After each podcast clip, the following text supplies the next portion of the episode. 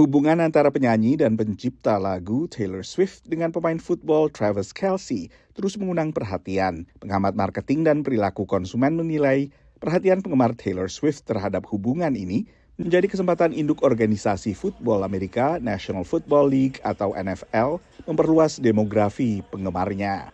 The NFL has traditionally catered more in its marketing to men and women, particularly of a younger age segment and demographic, haven't naturally been as interested. Again, it could be because of the violence, it could be because they just didn't feel the sport was for them. But specifically, this is a really hot market of 18 to 34 year old women. They could be known as the Swifties, which is her fan group, right?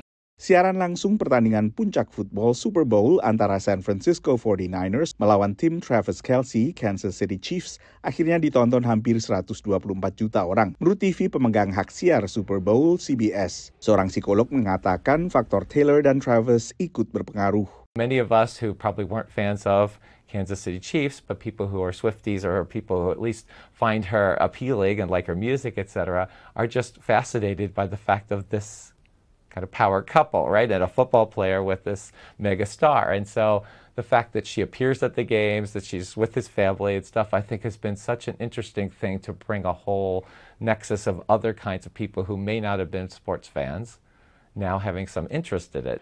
Sementara harga tiket menonton pertandingan Super Bowl di Las Vegas baru-baru ini juga menembus 5.000 dolar. Bahkan ada yang sekitar 10.000 bila terlambat membeli. Certainly there's been a lot of conversation around Taylor Swift. It's always hard to predict when it's the Super Bowl how much maybe she's affecting prices, if, if at all. But what I can t- tell you is that during the regular season, after her first appearance at Arrowhead Stadium, in that first 24 hour period, we saw a massive increase in both sales as well as page visits for the Chiefs.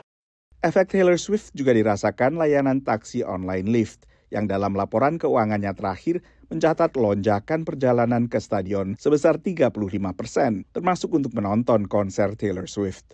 Asosiasi Industri Perjalanan Amerika Serikat US Travel Association memperkirakan bahwa dalam lima bulan pertama di Eras Tour saja pembelanjaan konsumen di Amerika Serikat meningkat hampir 6 miliar dolar. Dan efek Taylor Swift terhadap pembelanjaan konsumen ini juga dirasakan di negara-negara lain yang juga menjadi tempat diselenggarakannya konser Taylor Swift termasuk Jepang dan Australia.